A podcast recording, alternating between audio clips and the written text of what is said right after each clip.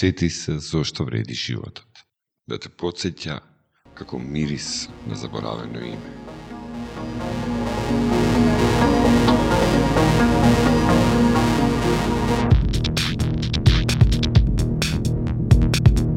Само нежно кон себе.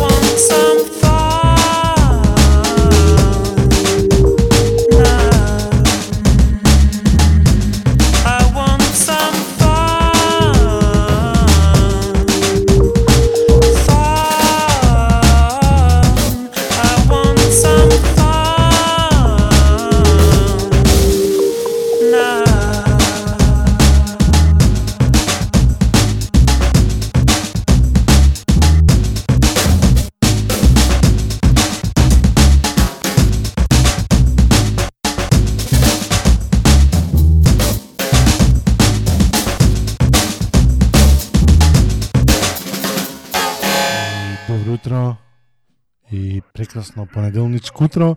Низ улиците на Скопје огреа сонцето, има воздух, пролетта надзира по понека, мада викендов гледав у, Америка, поточно Нью Йорк, прилично бели фотки, така да ништо чудно да не бапне некој снег надоле, а може и не, не се знае.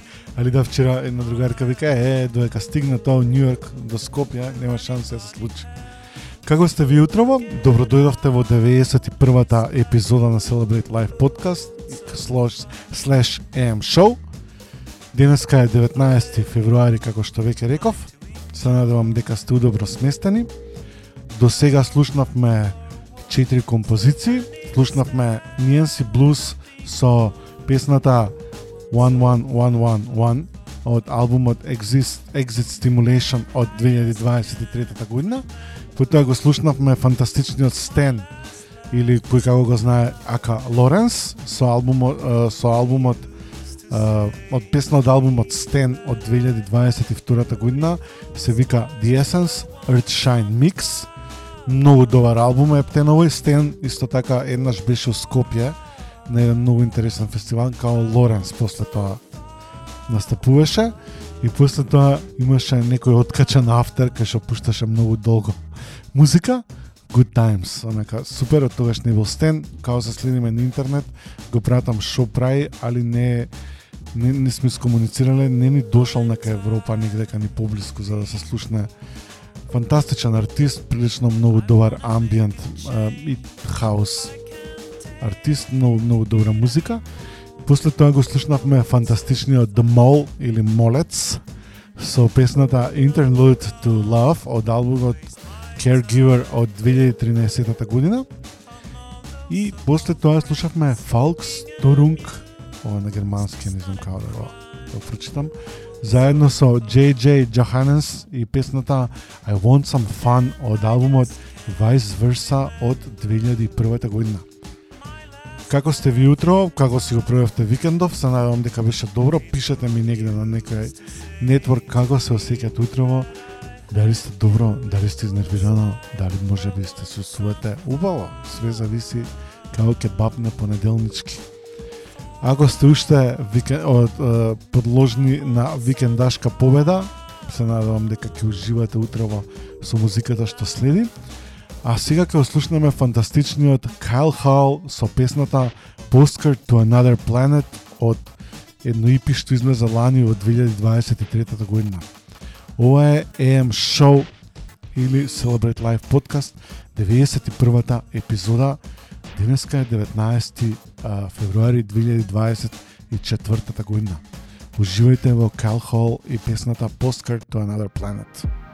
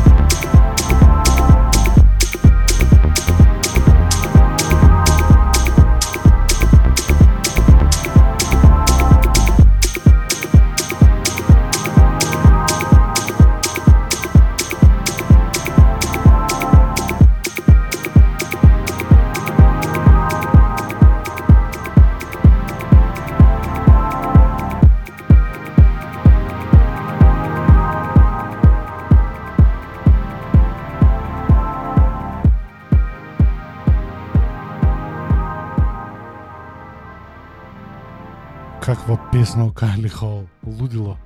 Кайли Хол е еден многу добар Детройт продуцент и диджеј и итн. Многу ми е криво што живееме во факинг uh, вукојебина и шипингот е прескап за да се ја нарачам оваа плоча. Плочата не е нешто екстремно скапа, али шипингот е колку да си ја купил три пати.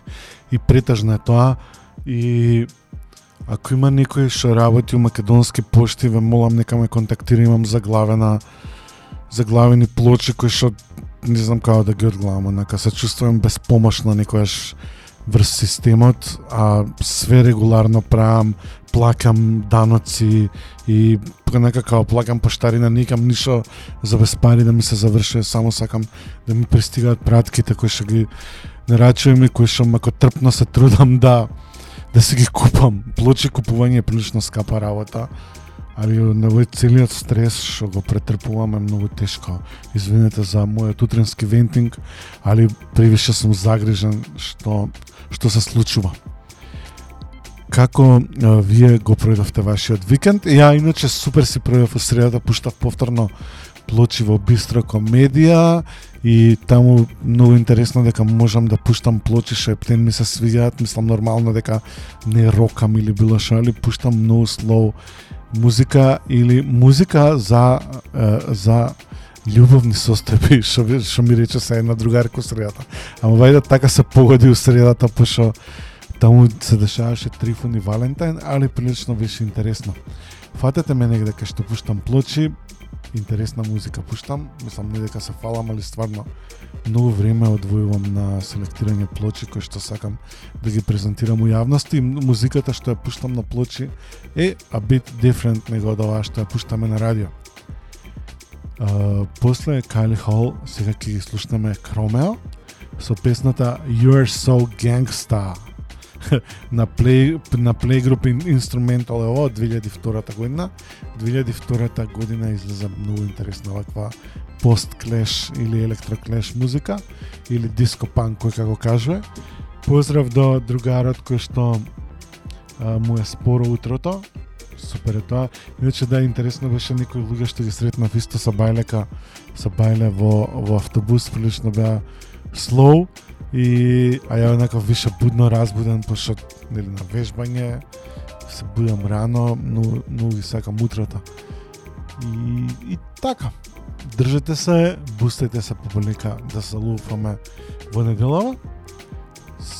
И сега ќе го слушнеме, ќе ги слушнеме Хромеа со песната You're So Gangsta, Playgroup, Playgroup Instrumental и после тоа ќе го слушнеме прекрасниот Ендрю Ведрал кој што викендов се наврши 4 години од неговото напуштање на земјата. Ендрю Ведрал е еден фантастичен исто така диджеј и продуцент кој што остави сериозно творештво за себе, многу добра музика, многу добри диджеј сетови, многу добар стейтмент околу музиката, околу културата и све. Една многу многу сериозна фацка за нашата култура. Уживајте во музиката, па се слушаме за некој време повторно назад.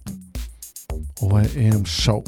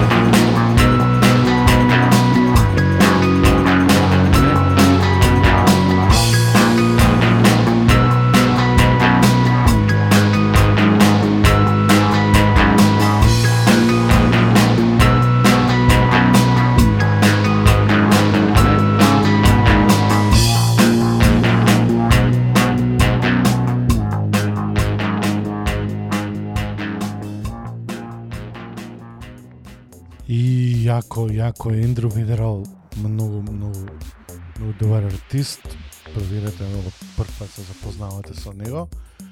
Значи, многу сериозна фаца, уште од 80 наваму има што да слушате кај него, од New Romantic до поп, до диско панк, до све и свашта, нека многу, многу сериозен артист.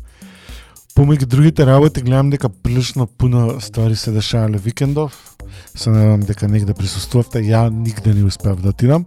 Сакав да отидам на младиве на што има фестивал делот силата е у младите, али не успеав да стигнам таму, али ќе чекам тој винил да излезе. Видов таму некои сториња дека прилично било бизи, така да супер убаво што младите луѓе идат да слушаат музика. Што друго видов дека имало? А да, видов дека пак имаше денска забава у бистро комедија. Таму е добро кога има сонце, пошто прилично отворено. Друго не знам што видов, не видов друго ништо. Као Сам имаше сигурно ше нешто, али не ми текне моментот. Многу, многу интересна музика денеска слушаме, сурфаме у разни периоди, од 2003 до 2001, некако тука сме од денеска залуфани. После Ендрю Ведерал ќе го слушнеме Silicon Soul, The All Night Dub од албумот Assaulting од 2001 година.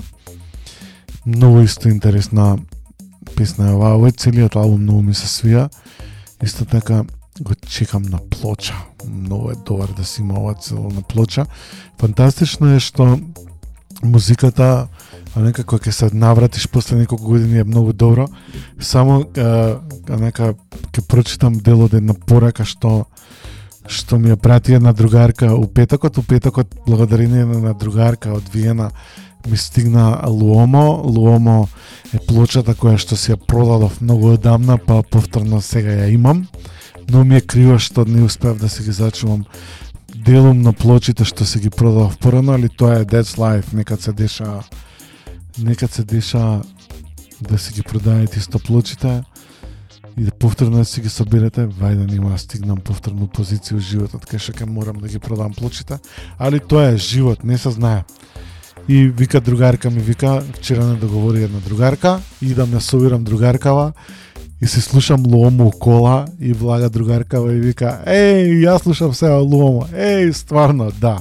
И вика, идат ке третава другарка да ја соберат и викаат, ај пушти го Луомо и ова, еј, ова да третава другарка реагира, као, еј, ја кај ви текна на Луомо од кога не сум слушнал? И као, е, индок не подсети денеска, сите слушаме и онака дента, некои 6-7 луѓе исто ми пиша за албумот на Ломо, чак и еден другар онака извади ги извади плочите од Four Tracks од лейбелот што што многу го сагавме порано и онака исто ми ја постираше Ломо плочата и другите синглови што ги имал Ломо. Луомо. Е, мисля, предавар артист.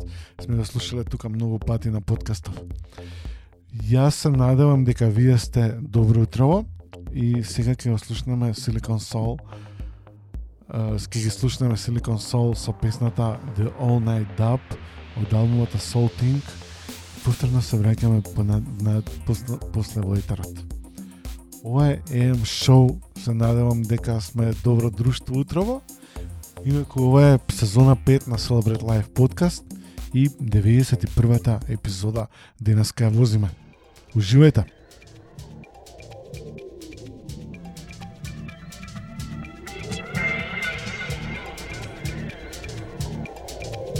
Okay, okay, let's take it from here.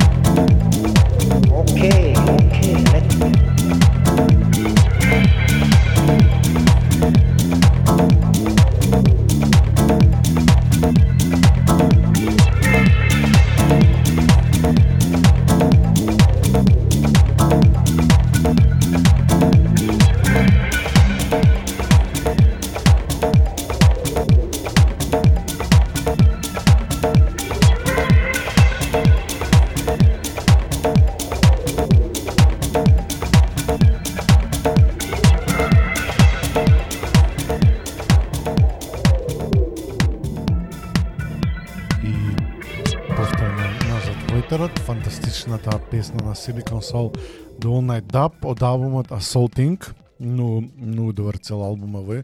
Проверете го од 2001. 2001 но многу добра музика излеза. Поздрав до другар ми Арчи кој што не слуша моментално. Поздрав до сите исто други луѓе у Берлин што не слушаат и што уживаат утрински со нас. Арчи често не слуша на реприза, али денес ми пише те фатив прв пат уживо и е special appreciation до Арчи и мојот омилен берлинец. Тазе, Берлин, ствари не е више тазе, долг период пројде у Берлин. Се гледаме, се надевам у брзо време Арчи у Берлин, па да слушаме и некој епизода и твој сет. Дали у Берлин, дали у Скопје, све зависи. Кај ќе се сретнаме? Како сте вие утрово? Се надевам дека уживате. Ова често го повторувам за да ви направам ремайндинг да се подсетите како сте утрово и да се подсетим исто дека само нежно кон себе. Знам дека понеделниците и не се баш happy destination најчесто, али ете, да пробаме да ги утопиме у малце подруга подруга атмосфера. Вјасаме кон уште малце ќе завршиме оваа утринска епизода. Се трудам да ги одржувам подкастиве на саат време, затоа што знам дека сите понеделнички имате разни, разни оврски и не можете да слушате по два сати. Не знам, некад може ке ми дојде по два сати пак да почнам да ги правам, али се трудам да, да се ушалтам у целиот саат. Сега ќе ги слушнеме омилените мој LCD Sound System со песната Beat Connection Edit од 2002 година. Пополека малце ќе го брзаме темпото за при крај на емисијата, ај више 11 саат. Плазе се им на оние што ќе излезат на бранч. Ја нема можам да излезам на бранч, барем не денеска и барем не у 11, може би по, подосна. Ова е 91-та епизода на Celebrate Life подкаст. Слушаме LCD Sound System Beat Connection. Уживајте! falling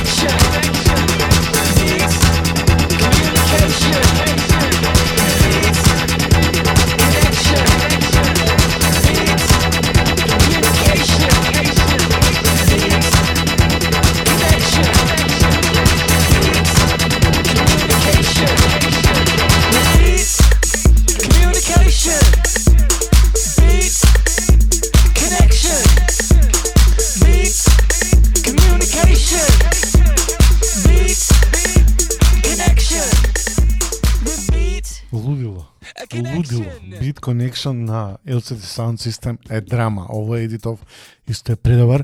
А, текстот исто многу добар. Вика, nobody falling in love, everybody here needs a shove, and nobody's get, getting any touch, everybody thinks that it means too much. And nobody coming undone, everybody here is afraid of fun, and nobody's getting any play. It's the saddest night in the out in the USA. Предобар, многу добар албум е овој целиот на LCD Sound System, проверете го. Има многу добри песни на, на него. И сега по полека се одјавуваме а, во овој понеделник во сезона 5 на 91-та епизода на Celebrate Live Podcast. Ке слушнеме едно скопско хитче кој што разбудува многу емоции. Посебно е добра кога ќе слушнете у 4-5 сабајле на подиум. Кај што многу добро се осекате. Се разбира ќе ги слушнеме Свезак, моите омилени Свезак, често што ги слушаме тука на Celebrate Life подкаст, често ги пуштам ја и во моите винил сетови. Многу ги сакам Свезак, многу ептен, дури еднаш у Скопје. Имавме прилика да слушаме. Дали работев? Мислам дека работев Visuals таа година, кога беше едната Свезак или не. Мислам дека да. Да. Да, работев и со Тига, еден таксира движа само, работев и со Свезак, мислам, да. Треба, треба да се подсетам малце подубоко. Се разбира, ако не ги знаете Свезак, ова е еден од моите омилени нини хитови, а еден од поголемите хитови, се вика Make Up Your Mind. Фантастична песна, фантастична хаус песна. Се надевам дека бев добро друштво утрово, а ако не бев добро друштво, извинете, може би, ако ве внесов у некој бет, а може и не, не знам, ја прилично добро се забавлям на овие утрински емисии, пошто ми текно, ми текнува дека може понеделникот да започне поинаку. Се разбира дека сум скроз друг филм, пошто 11 месеци више станувам 7 саат бајле да идам на вежбање. Не вежбам секој ден, да не се правам вежбачишта, а вика добро е дека створив некоја навика која што секам дека многу брзо можам да ја заебам ако два-три пати не отидам на вежбање. Така да не е лесно и после 11 месеци да да да ја држите рутината на вежбање. Who needs to hear this? Дечки, држете се, не знам што да ви кажам. Само бидете добри и нежно кон себе. Внимавајте исто така на останатите луѓе околу вас заебано време. Прилично срање ствари се дешаваат. Внимавајте и на животната околина, многу не е битна таа. Без незе знаете што све се дешава.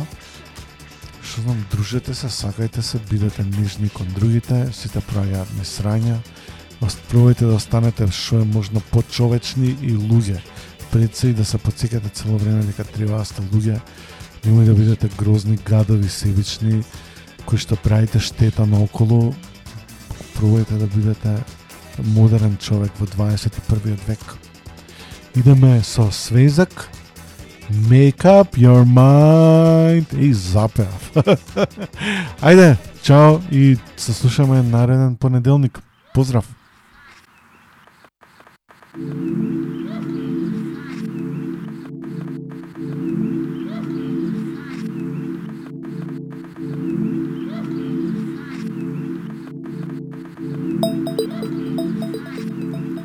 You're going out with her tonight, and that's no good. Because when we talked, I thought you'd understood that you could spend the night with whom you dare. If you don't love them, I don't care. As long as it's a single night, then you can hold them tight, but not her. But not her. Make up your mind.